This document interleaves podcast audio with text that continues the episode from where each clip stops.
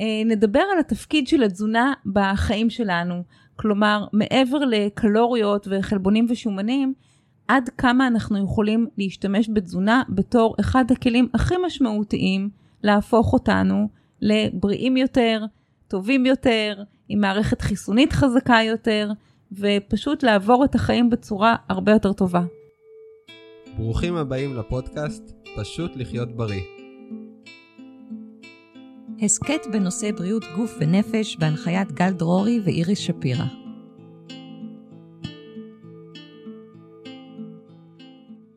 אני רוצה לספר למאזינים, אה, לפני שנתחיל, איך בעצם אנחנו מכירות.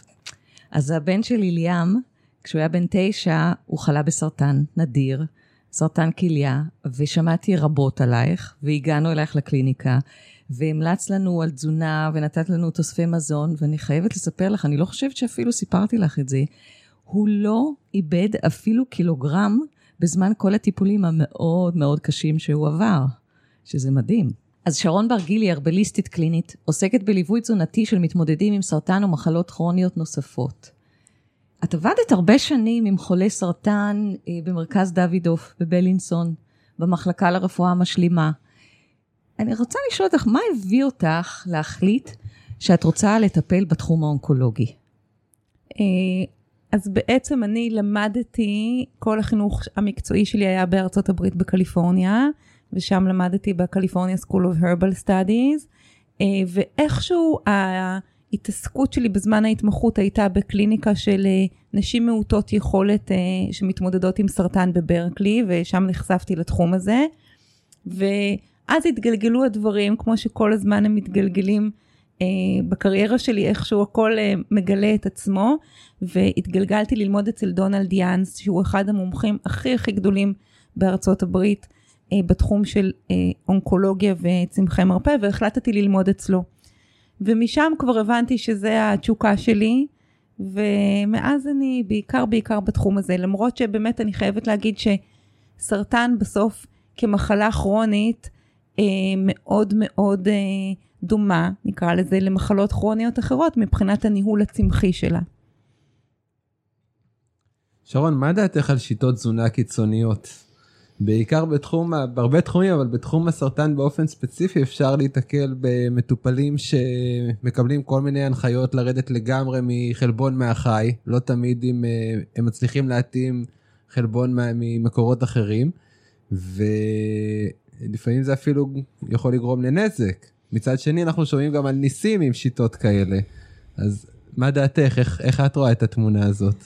Uh, טוב, זאת כמובן באמת שאלה מאוד מורכבת שאנחנו יכולים לבלות עכשיו את פול, כל הפודקאסט רק בלדבר על השאלה הזאת, אבל בסופו של דבר, קודם כל, בראייה שלי אני לא חושבת שהתזונה זה משהו שעומד לו בפני עצמו, אלא הוא חייב להיות חלק משינוי כולל באורחות החיים. אין כמעט טעם לעשות שינוי שהוא רק תזונתי ולא לטפל בדברים אחרים כגון uh, סטרס, פעילות גופנית, שינה, כל הדברים האלה. ובסוף, כדי שמשהו יעבוד, הוא חייב להיות מותאם לבן אדם אה, שמולו הדבר הזה קורה. שזה גם עניינים אישיותיים וגם כמה כוחות נפשיים יש כרגע לבן אדם שמתמודד עם סרטן, לעשות גם שינויים תזונתיים. אה, אז כל אחד יש לו באמת את מה שמתאים לו ומתי שמתאים לו, ולכן אגב, אנחנו נפגשים ומשוחחים ומחליטים ביחד מה עושים, כי הרבה פעמים אנשים שואלים אותי בטלפון, אני רק מקווה שלא תגידי לי להיות טבעוני, או אני לא רוצה, לא אהיה מסוגל לעשות שינוי נורא קיצוני, ואני צריכה להסביר להם שזה לא שאני מנחיתה עליהם איזשהו שינוי, אלא שאנחנו מחליטים ביחד מה נכון ומה מתאים לעשות. אז זה נקודה אחת. והנקודה השנייה זה שכמובן אנחנו לא באמת יודעים. יש אנשים שעושים הכל כמו שכתוב, וזה לא מצליח, ויש אנשים שעושים דברים מסוימים ויש להם תוצאות נהדרות, ואנחנו אף פעם לא יודעים באמת למה לשייך את זה, אז כמובן שזה מכלול של גורמים ולא גורם אחד.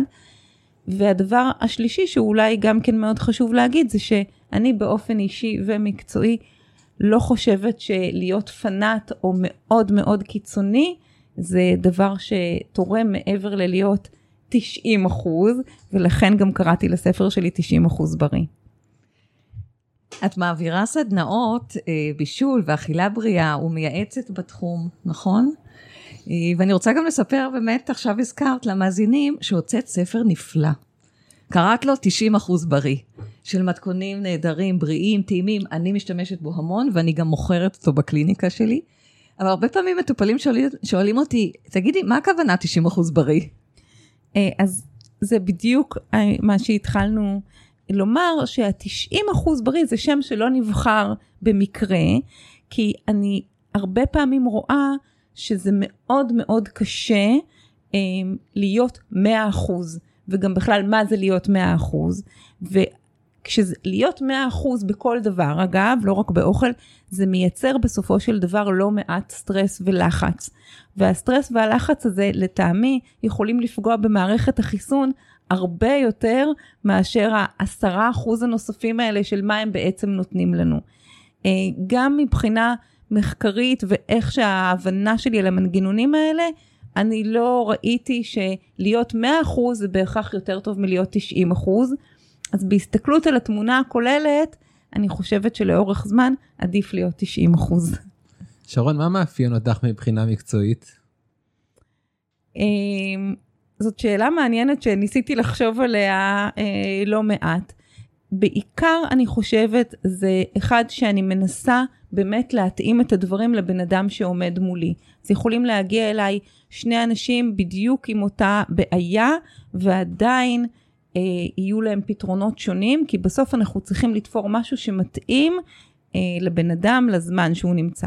אז אני מנסה להיות יצירתית וגמישה ולא להיתקע דווקא עם איזה שהם כללים שהם אה, מראש. והדבר השני זה שבאמת אני מבלה חלק ניכר מהזמן שלי בקריאה של מחקרים ובניסיון כל הזמן בעצם לתרגם מחקר, נקרא לזה לצלחת, אה, ולהפוך את הדברים שאנחנו יודעים מהמחקר למה אנחנו בעצם עושים איתם מחר במטבח. כשאני מטפלת באנשים בקליניקה, אני מדגישה שהקשר בין תזונה והבריאות של מערכת העיכול ואריכות חיים הוא קשר בלתי נפרד. את, את יכולה להסביר לנו על זה, שרון? אה, כן, בטח. אז בעצם מה שקורה זה שהרגילו אותנו מילדות לחשוב על אוכל בכל מיני צורות, בעיקר בצורה של קלוריות או בצורה של באמת אבות מזון שומנים, חלבונים, פחמימות.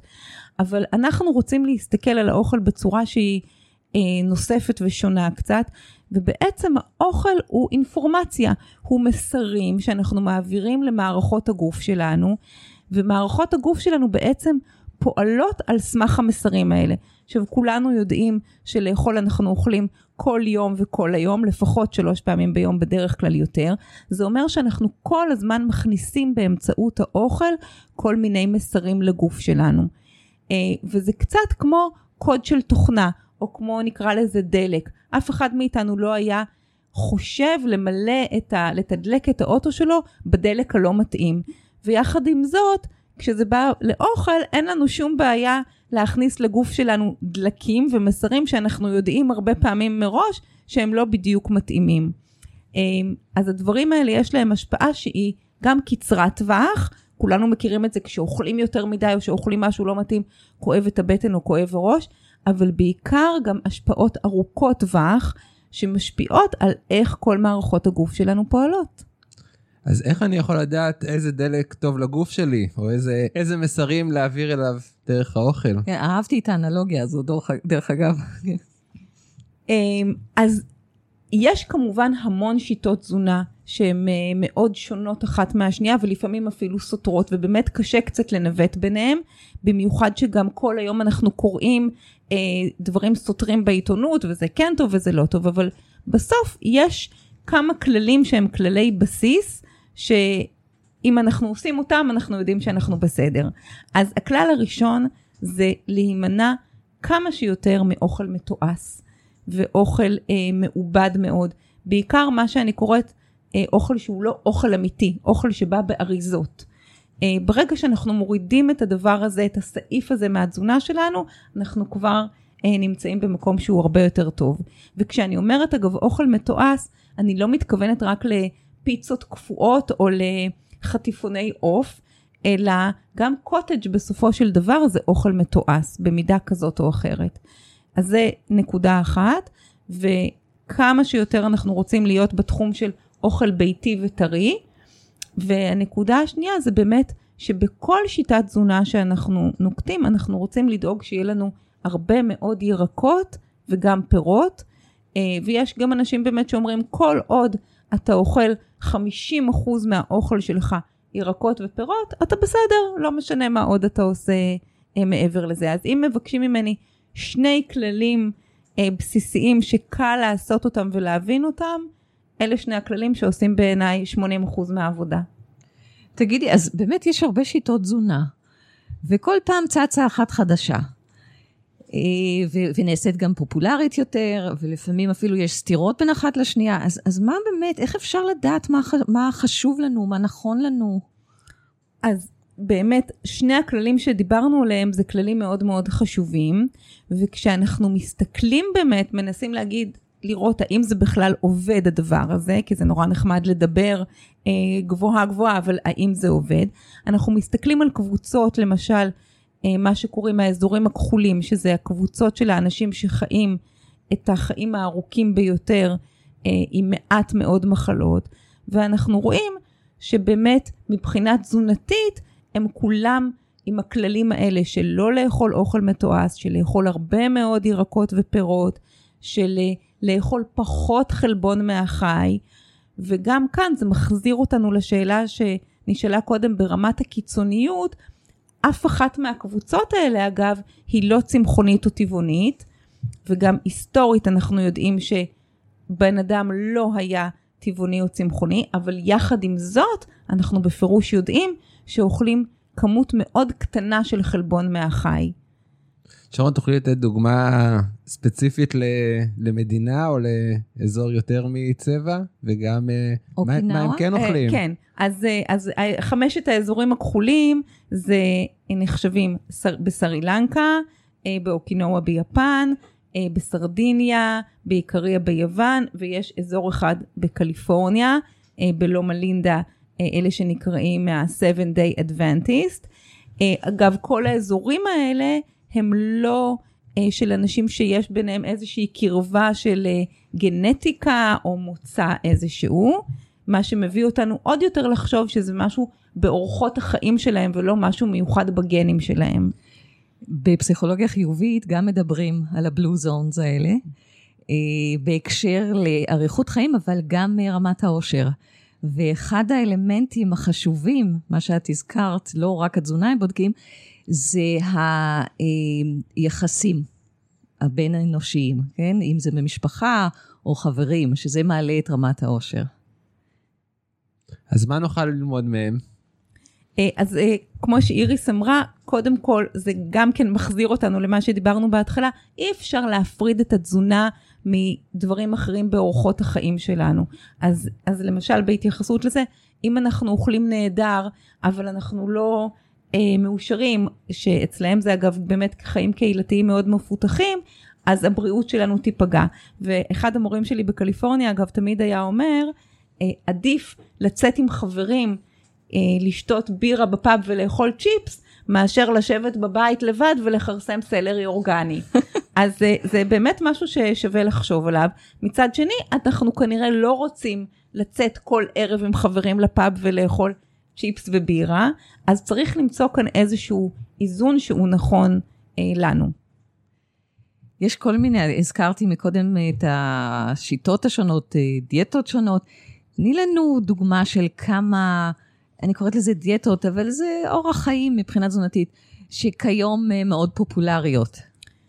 אז השיטה שהיא הכי פופולרית בה ממש בשנים האחרונות היא כמובן השיטות דלות הפחמימות למיניהם. השיטה שהכי צוברת תאוצה בשנים האחרונות זה הדיאטה הקיטוגנית, שהמשמעות של דיאטה קיטוגנית זה דיאטה שהיא מבוססת על הרבה מאוד שומנים, 70% שומן. אגב, אני פוגשת הרבה אנשים שמשוכנעים שהם עושים דיאטה קיטוגנית, אבל הם בעצם לא עושים דיאטה קיטוגנית, כי הם אומנם לא אוכלים פחמימות, אבל הם אוכלים הרבה מאוד חלבונים. אז זאת השיטה שהיא הכי פופולרית היום, וגם כאן, מה אנחנו רואים? אנחנו רואים איזושהי אה, טעות בחשיבה, שאם משהו הוא טוב, אז לעשות ממנו יותר זה אולי עוד יותר טוב. ודברים שהם מוכחים מחקרית, אה, למשל להאטת תהליכים מסוימים, סרטניים או תהליכי מחלה מסוימים, זה שהם טובים לתהליכים האלה זה לא אומר שהם נכונים גם לאנשים בריאים שפשוט רוצים לרדת במשקל. מה המקור של הדיאטה הזו? הדיאטה הקיטוגנית בעצם התפתחה ממחקרים אה, על אפילפסיה, שהראו שאנשים אוכלים דיאטה דלת פחמימות ועתירת שומן, הם מצליחים להפחית את כמות האירועים האפילפטיים. ומכאן זה כבר התפתח בכלל ניסיון להבין איך הסוכר משפיע על המוח שלנו, ומכאן זה כבר התפתח לדיאטה קיטוגנית וההשפעות שלה למשל על ירידה במשקל, על משק הסוכר אה, וכדומה. ובסוף, אה, עם כל הכבוד למחלות, מה שאני חושבת הופך דיאטות לפופולריות יותר או פחות, זה הירידה במשקל. אז בסוף, מה שמעניין אנשים זה איך לרדת במשקל כמה שיותר מהר. אז הזכרת פחמימות ואחר כך אמרת סוכר. תסבירי לנו את הקשר. אה, אז צודקת, בעצם אלה הם מילים נרדפות. אז פחמימה זה שם של סוכר, אה, זאת אומרת כל הסוכרים הם למעשה פחמימות, ויש לנו כמובן סוגים שונים. אז יש לנו מה שאנחנו קוראים פחמימות ריקות. מה זה אומר שהן ריקות? שבעצם הן לא נותנות לנו שום דבר למעט הסוכר שהן מכילות, ויש לנו מה שאנחנו קוראים פחמימות מלאות או מורכבות. מה זה אומר? שמעבר לסוכר יש שם גם הרבה מאוד סיבים שהם חשובים לנו ועוזרים לנו בעצם לאזן את משק הסוכר, וגם הן באות בליווי של הרבה ויטמינים ומינרלים, וזה אולי גם ההבדל באמת אה, בין לאכול פרי, שמכיל לא מעט סוכר, אבל מכיל גם הרבה סיבים וויטמינים ומינרלים, לבין לאכול איזשהו ממתק שלא מכיל כלום למעט הסוכרים שהוא מורכב מהם. את יודעת, שרון, אחד הדברים עכשיו הבולטים בקליניקה שאני רואה, זה רגישות לגלוטן. בוא נאמר, בן אדם הולך לעשות בדיקת אה, אלרגיה, לבדוק אם הוא רגיש לגלוטן, וזה יוצא שלילי, אבל בכל זאת הוא שם לב לקשר המאוד הדוק בין גלוטן לבעיות במערכת העיכול, כמו נפיחות, גזים. מה דעתך על זה? למה זה בעצם קרה שבשנים האחרונות זה כל כך uh, עלה? אז uh, קודם כל זה משהו שגם אני רואה לא מעט אצלי בקליניקה, ולאנשים לפעמים קשה להבין את זה, כי הם אומרים, אבל עשיתי בדיקה ואני יצאתי שלילי לצליאק. ואני מסבירה להם בצורה מאוד מאוד פשוטה, זה בדיוק כמו ללכת לבדיקת עיניים, ואת יוצאת מהבדיקת עיניים והרופא אומר לך, איריס, את לא עיוורת. אבל המשמעות של להגיד לך את לא עיוורת ממש לא אומרת שאת רואה 6-6. יכול להיות שאת רואה ממש ממש לא טוב, אבל את לא עיוורת. וזה בדיוק אותו דבר לגבי הגלוטן. זה שבן אדם הוא לא צליאקי, זה לא אומר שאין לו רגישות לגלוטן. ויש בדיקות מעבדה מאוד מאוד מתקדמות שיכולות לעלות על זה, אבל בסוף הדרך באמת הכי פשוטה, הכי יעילה והכי טובה היא מבחן ההימנעות. ומה שבן אדם צריך לעשות זה להימנע מגלוטן לפחות לתקופה של 21 יום, ולראות האם יש שיפור בסימפטומים שלו. ובאמת, הרוב המכריע של האנשים הם לא צליאקים. אחוז הצליאקים באוכלוסייה הוא מאוד נמוך, הוא בין 3 ל-5 אחוז. אבל אנחנו יודעים ממחקרים שכמות האנשים שרגישים לגלוטן היא כנראה פי עשרה מזה. אז זה אומר שבין 30 ל-50 אחוז מהאוכלוסייה יש להם סוג של רגישות לגלוטן. זה דבר אחד. למה זה קורה? זו עוד שאלה מעניינת שיש עליה לא מעט uh, מחשבות. אחת המחשבות הפופולריות היא פשוט צריכת יתר. Uh, היינו אמורים לצרוך גלוטן כחלק מהדיאטה שלנו uh, בצורה שהיא סבירה, אבל הפכנו להיות uh, בתזונה שמבוססת כמעט רק על גלוטן. מה זה סבירה? סבירה זה אומר שבן אדם נגיד אוכל, בואי נאמר, אה, בין פרוסת לחם אחת או שתיים ליום, או מנת פסטה אחת ליום, ונהיינו במקום שאנשים אוכלים הרבה מאוד לחם, הרבה מאוד פסטה, הרבה מאוד מאכלים בצקיים שכולם בדרך כלל מבוססים על גלוטן. אז זו תיאוריה אחת. אה, יש עוד תיאוריות מאחורי החשיבה הזאת, אחת שקשורה בכלל לריסוסים שמרססים את החיטה, וגם לשינויים המאוד מאוד גדולים שגידולי החיטה עברו במאה השנים האחרונות. החיטה שאנחנו אוכלים היום היא לא החיטה שאכלנו לפני מאה שנים. שרון, אם, אם הזכרת את הגלוטן, שזה משהו שבאמת רואים, רואים הרבה עניין סביבו בקליניקה, אז דבר נוסף שרואים איתו הרבה אישו אצל אנשים זה מוצרי חלב, שאנשים לפעמים אוכלים אפילו גם יתר על המידה. אה, איך את רואה את זה, את כל הנושא של מוצרי חלב?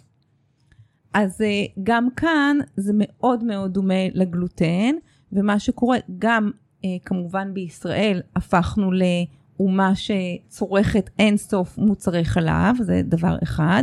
אנחנו יודעים קודם כל שגם זה עניין של מוצא גנטי. אנשים שבאים ממזרח אירופה, בדרך כלל אם יש להם יכולת לעכל מוצרי חלב יותר טובה מאנשים שהמוצא הגנטי שלהם הוא מאפריקה, זה דבר אחד.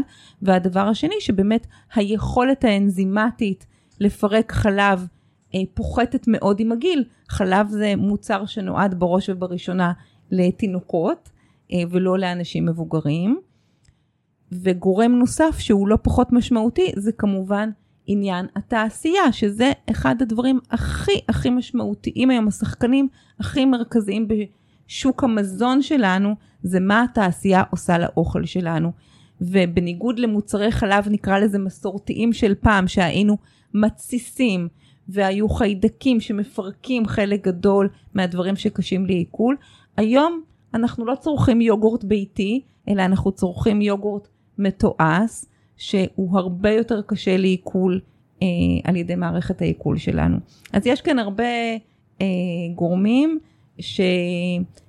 שגורמים לנו להבין שאנחנו צריכים להיות מאוד מאוד זהירים גם בכמות וגם בסוג המוצרים שאנחנו בוחרים לאכול. את מלמדת אה, לפעמים אה, לעשות אה, לבד, למשל יוגורט או שמנת? אה, אני מלמדת לפעמים לעשות לבד, אבל אני בעיקר מלמדת אנשים איך נכון לקנות. אז למשל בעניין של אה, חלב, יש כמה דברים. הדבר, בראש ובראשונה צריכים להפחית כמות. מעבר לזה, אם אנחנו קונים כבר, אנחנו, אחד, מעדיפים לקנות מוצרים גם אורגניים, ואולי עוד יותר אפילו חשוב מזה, ממחלבות קטנות, אה, בעיקר כשמדברים למשל על חלב עיזים, למה? כי אנחנו יודעים שאיכות החלב נקבעת על ידי מה שבעצם העז הזאת אוכלת. אז יש הבדל מהותי בין עז שיוצאת למרעה ומלחכת עשב, לבין עז שיושבת uh, כל היום בדיר ומאכילים אותה בגרעיני תירס וחיטה, שזה לא בהכרח המזון המיטבי בשבילה. Uh, אז שתי ההנחיות המרכזיות שלי הן קודם כל להפחית כמות, והשנייה זה להיות מאוד מאוד uh, ספציפי ודקדקן במוצרים שאתה בוחר לקנות. ולמה אורגני? למה אורגני? כי אחד, אנחנו יודעים, קודם כל כללי הגידול האורגני לא נוגעים רק למה החיה הזאת אוכלת, אלא לכל תנאי המחיה שלה. ואנחנו יודעים שכשמגדלים בעלי חיים, בין אם זה תרנגולות או עיזים או כל חיה אחרת, בתנאי כליאה מאוד צפופים ונקרא לזה אפילו אכזריים.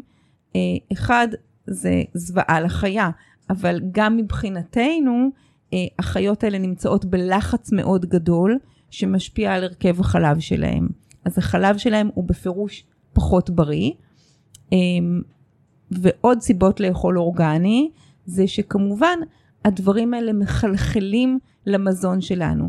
אז כשהחיות האלה מקבלות טיפולים אה, אינטנסיביים בהורמונים מסוימים, בתרופות, באנטיביוטיקה, אה, כל הדברים האלה, נכון שיש על זה פיקוח, אבל בסופו של דבר הדברים האלה מחלחלים לשרשרת המזון שלנו. שרון, הזכרת אה, את התזונה הקטוגנית כטרנד, אבל אחד הטרנדים הכי עולים בארץ, מהעיניים שלי, זה הטבעונות. מה את חושבת על זה? אז קודם כל, נכון, אני חושבת שישראל זה אחת המדינות הכי אה, מובילות בעולם בנושא הטבעונות, שזה נושא מאוד מאוד מעניין, ומבחינתי אה, יש כאן קודם כל את העניין באמת של איכות המזון. להיות טבעוני זה מצוין, כי אנחנו יודעים שאחד הדברים שצריכים להנחות אותנו זה לאכול תזונה מבוססת צומח. זה מביא אותנו שוב להזכיר רגע את ה... אה, אוכלוסיות שחיות את החיים הארוכים ביותר בעולם, והן לא טבעוניות או צמחוניות, אבל מה אנחנו יודעים לגביהם? שהם צורכים אה, מוצרים מהחי בכמות מאוד מאוד נמוכה.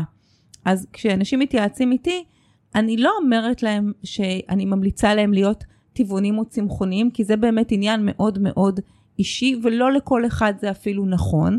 מה שכן חד משמעית נכון לכולנו, זה לחיות תזונה שהיא מבוססת על הצומח. מה זה אומר? זה אומר שגם אם אנחנו בוחרים לאכול אה, בתזונה שלנו מוצרים מהחי, זה יכול להיות ביצים, מוצרי חלב או עוף ודגים, אנחנו רוצים לדאוג שהנוכחות שלהם בחיים התזונתיים שלנו תהיה נמוכה. מה זה נמוכה? זה אומר אה, לא יותר מ-20% מצריכת החלבון שלנו צריכה לבוא מחלבון מהחי, מה שקוראים. אה, והדבר שהוא תמיד מבחינתי הכי חשוב, זה איכות האוכל. אז גם כשבן אדם בא תחת הכובע שהוא טבעוני, הוא יכול הרי לאכול כל היום דוריטוס ולשתות קולה, ועדיין זה ייקרא טבעוני.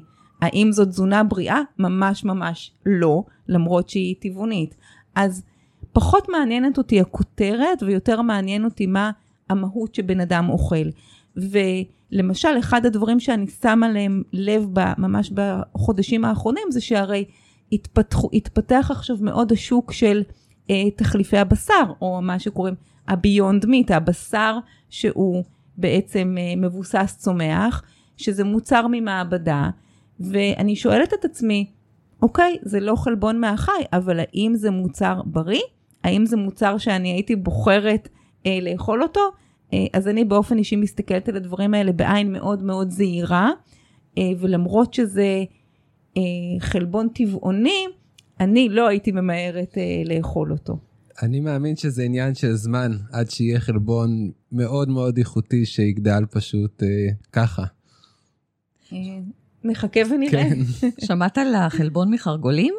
כן. לאחרונה נתקלתי בזה. אז אה, חלבון מחרגולים זה אחד מהחלבונים שמאוד עולים בעולם, כי מחפשים כל הזמן בעצם אה, פתרונות חלבוניים שהם פחות, אה, נקרא לזה, מתועשים או משפיעים על כדור הארץ.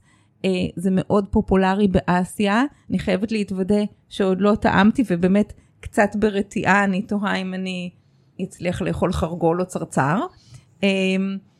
אבל זה, זה בהחלט תחום מאוד מעניין, אבל זה באמת עדיין חלבון מהחי, ולא אה, חלבון מבוסס מעבדה, נקרא לזה. כן. את יודעת, לפני הרבה שנים למדתי מקרוביוטיקה, והייתי מקרוביוטית שבע שנים, ובלימודים עושים הבחנת פנים. ואחד הדברים הבולטים מבחינת שינוי אבולוציוני, זה שהפה נעשה יותר גדול. אז אם את מסתכלת למשל על תמונות מלפני 100 שנה, הפיות של האנשים היו בהרבה יותר קטנים.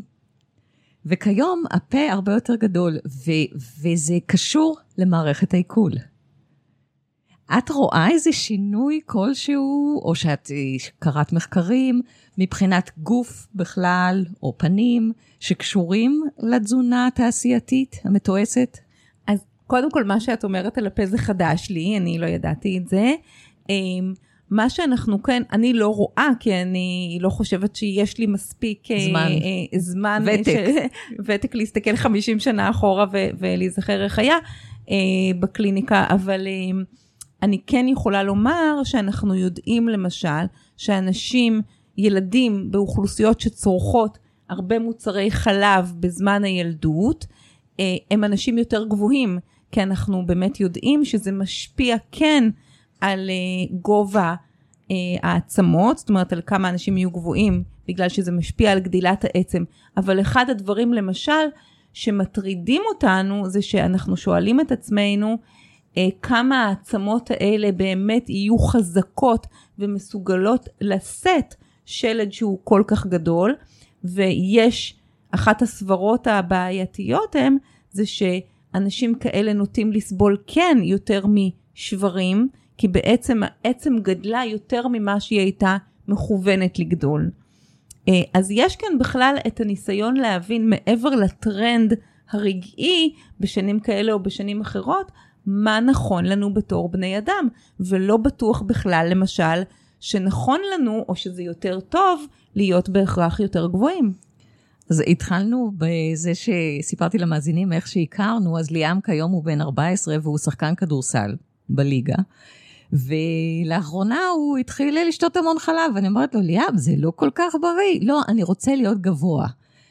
אז מה כדאי? מה, לקנות חלב אורגני? מה לייעץ לו מבחינת חלב? אז אה, אני קודם כל חושבת שכדאי להמעיט בצריכה של מוצרי חלב. זה לא אומר שלא צריך אה, להשתמש בהם, אבל שצריך לה, להמעיט בהם. אה, וכן, אני הייתי ממליצה, אה, אם שותים חלב, לשתות חלב אורגני. אה, וכמובן יש את כל השאלה של אה, מה לגבי כל החלב שהוא בעצם מפוסטר ו- וכמה אפשר אה, בעצם לספוג מהחלב המפוסטר הזה.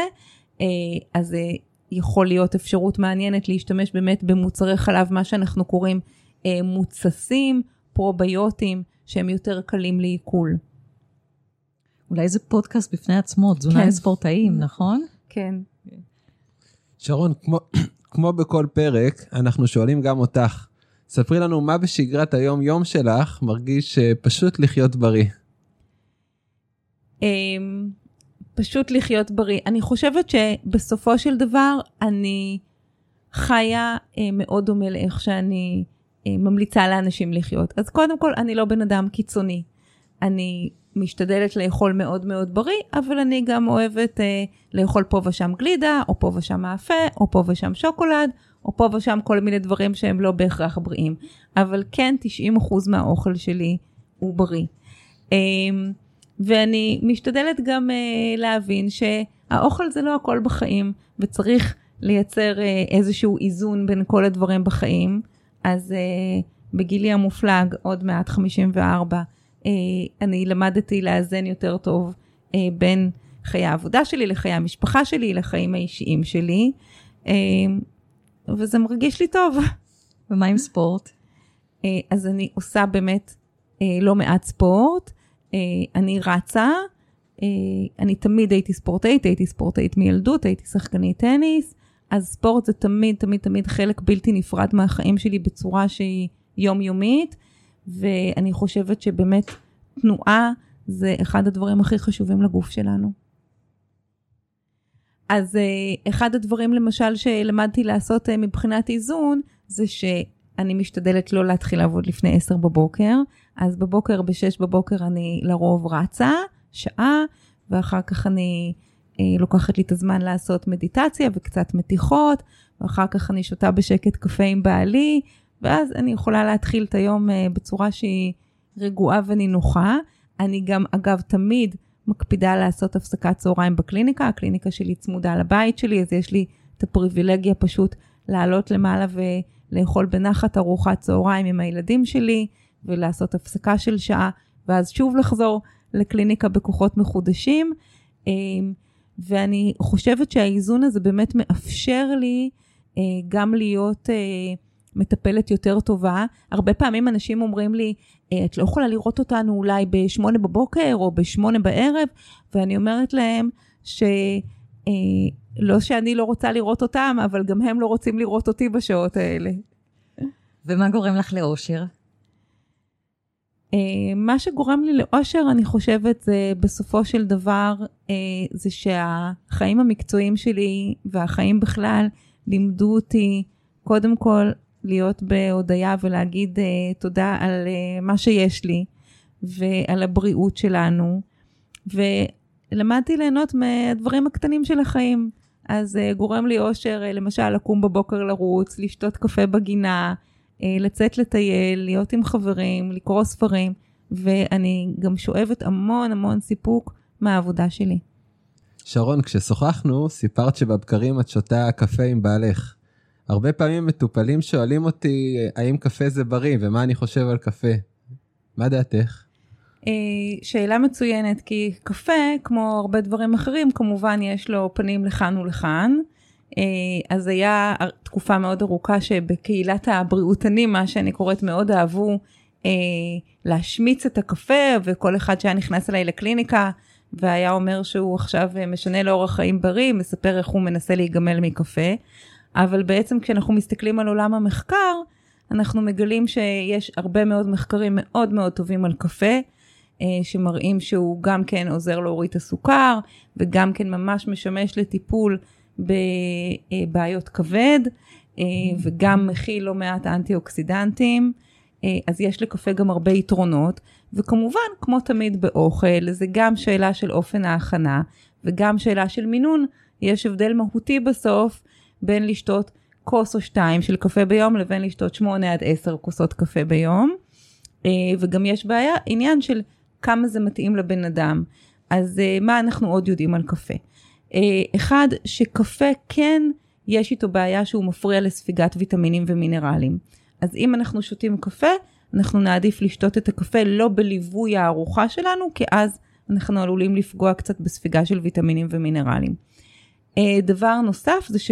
קפה הוא כן חומצי מעט, אז אנשים שנוטים לסבול מבעיה של אה, אה, אוסטיאופורוזיס או אוסטאופניה ורוצים לשמור על צפיפות העצם, גם כן לא מומלץ להם אה, להרבות בצריכת קפה, וכמובן כולנו יודעים שמי שסובל מחומציות יתר, מריפלוקס, מגרד, זה, קפה זה דבר שיכול לעצבן מצבים כאלה, אז גם כן לא מומלץ.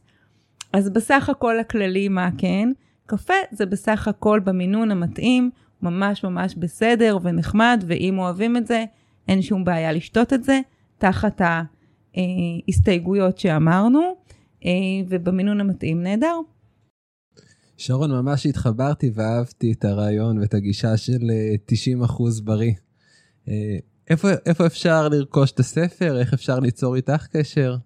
אה, אז אה, אם תכתבו בגוגל 90% אה, בריא או שרון ברגיל, מיד יעלה לכם קישור לרכישת הספר שלי. אני לא מוכרת אותו ברשתות הספרים, אז אפשר למכור, לקנות אותו דרך הקליניקה שלי, והוא מגיע עם שליח הביתה לכל מקום בארץ. נוסיף קישור לפרק. תודה רבה שהתארחת אצלנו, אני מרגישה שאני רוצה לשמוע עוד. אה, תודה, גם לי היה כיף. תודה לכם מאזינים, אם אהבתם ואתם מכירים אנשים שהנושא נוגע להם, שתפו אותם. זה יעזור להם ויעזור גם לנו. נתראה בפרק הבא. אפשר למצוא אותנו ולכתוב לנו בדף הפייסבוק פשוט לחיות בריא, פודקאסט על בריאות גוף ונפש. אם אהבתם ואתם חושבים שהפרק יועיל לקרובים אליכם, אז שתפו. זה יעזור להם ויעודד אותנו להמשיך ליצור תכנים מעניינים שיסייעו לכולנו פשוט לחיות בריא. נתראה בפרק הבא.